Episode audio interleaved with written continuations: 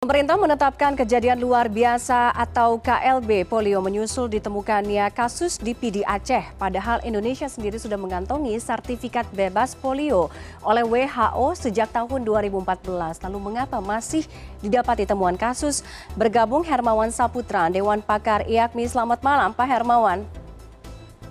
Selamat malam Mbak Tiffany. Selamat Baik, malam pemirsa CNN. Selamat malam, terima kasih sudah bergabung dengan kami. Pak Hermawan, um, analisis dari WHO bahwa 30 provinsi di Indonesia setidaknya masuk dalam kategori high risk atau risiko tinggi. Padahal kita tahu bahwa Indonesia sudah bebas polio dan juga sudah mendapatkan um, sertifikat resmi dari WHO sejak tahun 2014.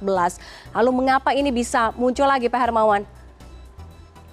Kalau kita riwayatnya ya, lihat riwayatnya Mbak Tiffany sejak tahun 1995 sebenarnya WHO sudah dilaporkan bahwa di Indonesia pun sudah tereradikasi untuk kasus polio ini. Hmm. Tetapi uh, sejak adanya Global Polio Eradication Initiative oleh WHO itu memang ditargetkan antar negara dan juga berbagai wilayah terutama negara-negara berkembang seperti di Asia Tenggara betul-betul memastikan diri. Tetapi dilalah di tahun 2005 kita juga mendapatkan kasus muncul kasus yang ada di sekitar Jawa Barat dan itu juga dimiripkan dengan kasus yang terjadi di Sudan saat itu. Hmm. Di tahun 2006 juga ada 2000 18 juga pernah dan sekarang di 2022.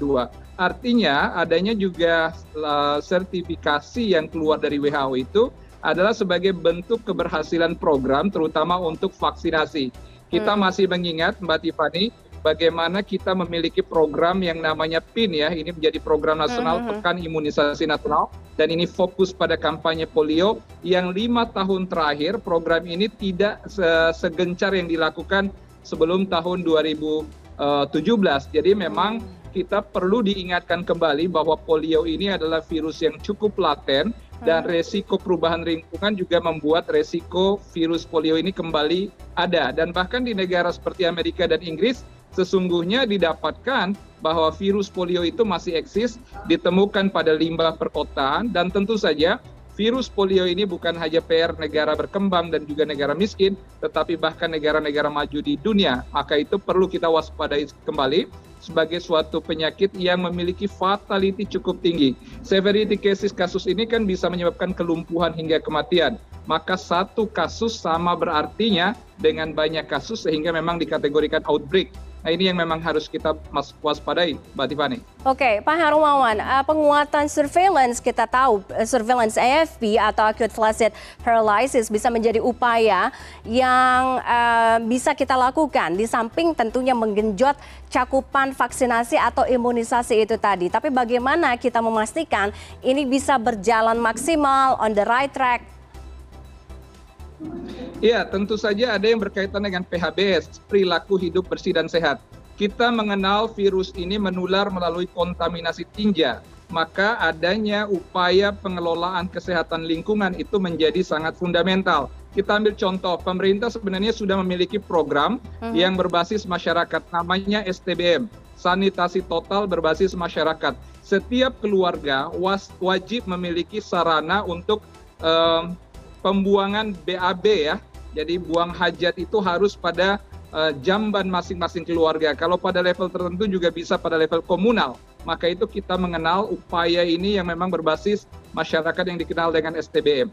Tetapi memang betul bahwa basisnya adalah surveillance, bagaimana melakukan mitigasi risiko agar uh, potensi lingkungan yang uh, mungkin perilaku masyarakat juga buang hajat atau bahkan higienitas yang rendah itu kembali ditingkatkan, diedukasi secara masif bahkan inisiasi untuk melakukan vaksinasi itu hmm. harus tumbuh dari kesadaran masyarakat okay. karena virus polio ini sebetulnya tidak hanya menyerang uh, balita, tetapi kalau balita yang diserang maka fatalitinya menjadi sangat tinggi sekali, Mbak Tiffany. Oke, melakukan vaksinasi itu um, pada dasarnya memang harus dari kesadaran, apalagi sebenarnya uh, pemerintah Indonesia memiliki program tadi Pak Hermawan sudah sebutkan PIN ya, Pekan Imunisasi Nasional, tapi mungkin sekitar lima tahun terakhir um, capaian atau apa ya upayanya tidak segencar yang sebelumnya.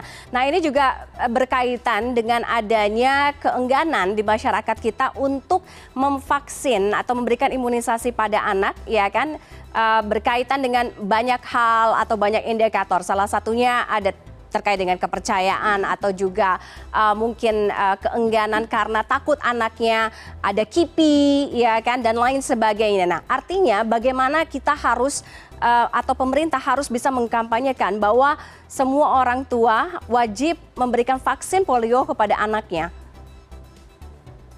Ya, tentu saja kita harus menghimbau dan melibatkan para influencer ya. Influencer yang maksud yang dimaksud datang dari uh, lingkungan masyarakat itu sendiri atau community base. Kita mengenal ada istilah tokoh agama, ada tokoh masyarakat, ada juga peran Babinsa, Babinkan Tipmas dari TNI Polri, dan bahkan ada yang menyangkut kader UKBM. Kader UKBM ini uh, biasanya tumbuh dari masyarakat, upaya kesehatan bersumber daya masyarakat.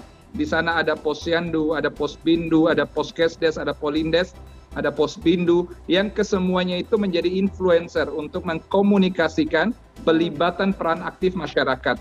Jadi pertama adalah edukasi, tumbuh kesadaran bahwa polio itu adalah ancaman kalau uh, terpapar maka sulit kita untuk mendapatkan generasi yang produktif dan berkualitas. Nah, di satu sisi memang berkaitan dengan cakupan dan gencarnya vaksinasi. Kita melihat untuk vaksin OPD ya yang sifatnya virus polio yang dilemahkan itu capai ini sekitar 80% di Indonesia. Hmm. Tetapi juga bisa yang sifatnya IPV ya atau yang inactivate uh, virus. Nah ini juga yang minim resiko, tetapi uh, upaya-upaya vaksinasi ini kembali lagi harus di uh, matchingkan dengan kesadaran masyarakat yang ditumbuhkan melalui community organization and community development. Artinya bagaimana masyarakat diorganisasi dan dikembangkan sedemikian rupa hmm. menjadi sebuah rekayasa gerakan sosial untuk mau memastikan bayi balita itu untuk divaksin uh, polio dan ini menjadi uh, tugas tidak hanya tugas negara atau pemerintah,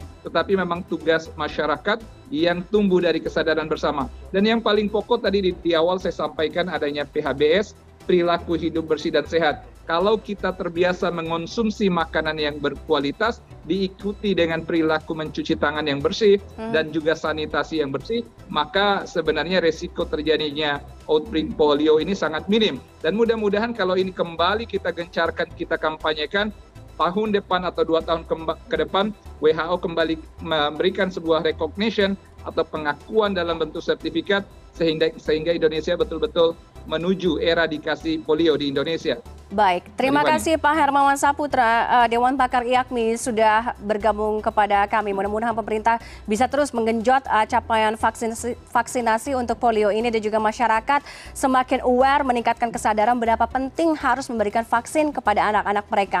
Selamat malam Pak Hermawan, salam sehat. Selamat malam, sehat selalu buat kita semua Mbak Tiffany.